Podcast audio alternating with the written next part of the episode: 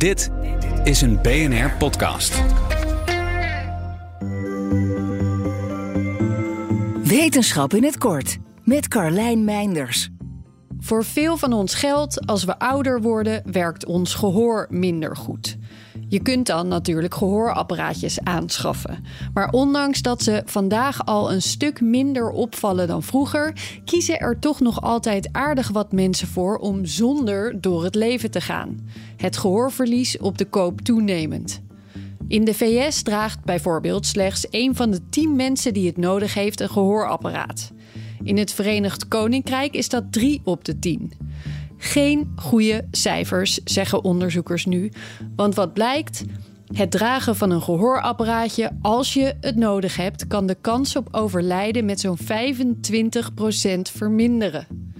Waar dat hem volgens de onderzoekers in zit, is de link tussen verbetering van het gehoor en mentale en cognitieve gezondheid.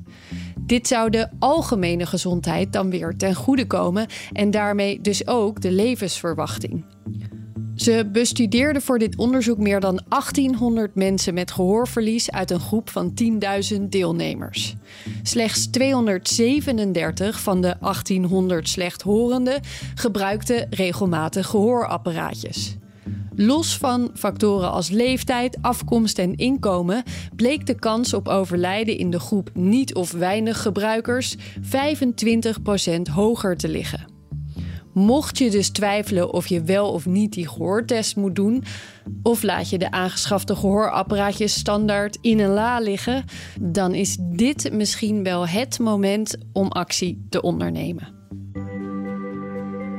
Wil je elke dag een wetenschapsnieuwtje? Abonneer je dan op Wetenschap vandaag. Luister Wetenschap vandaag terug in al je favoriete podcast-apps.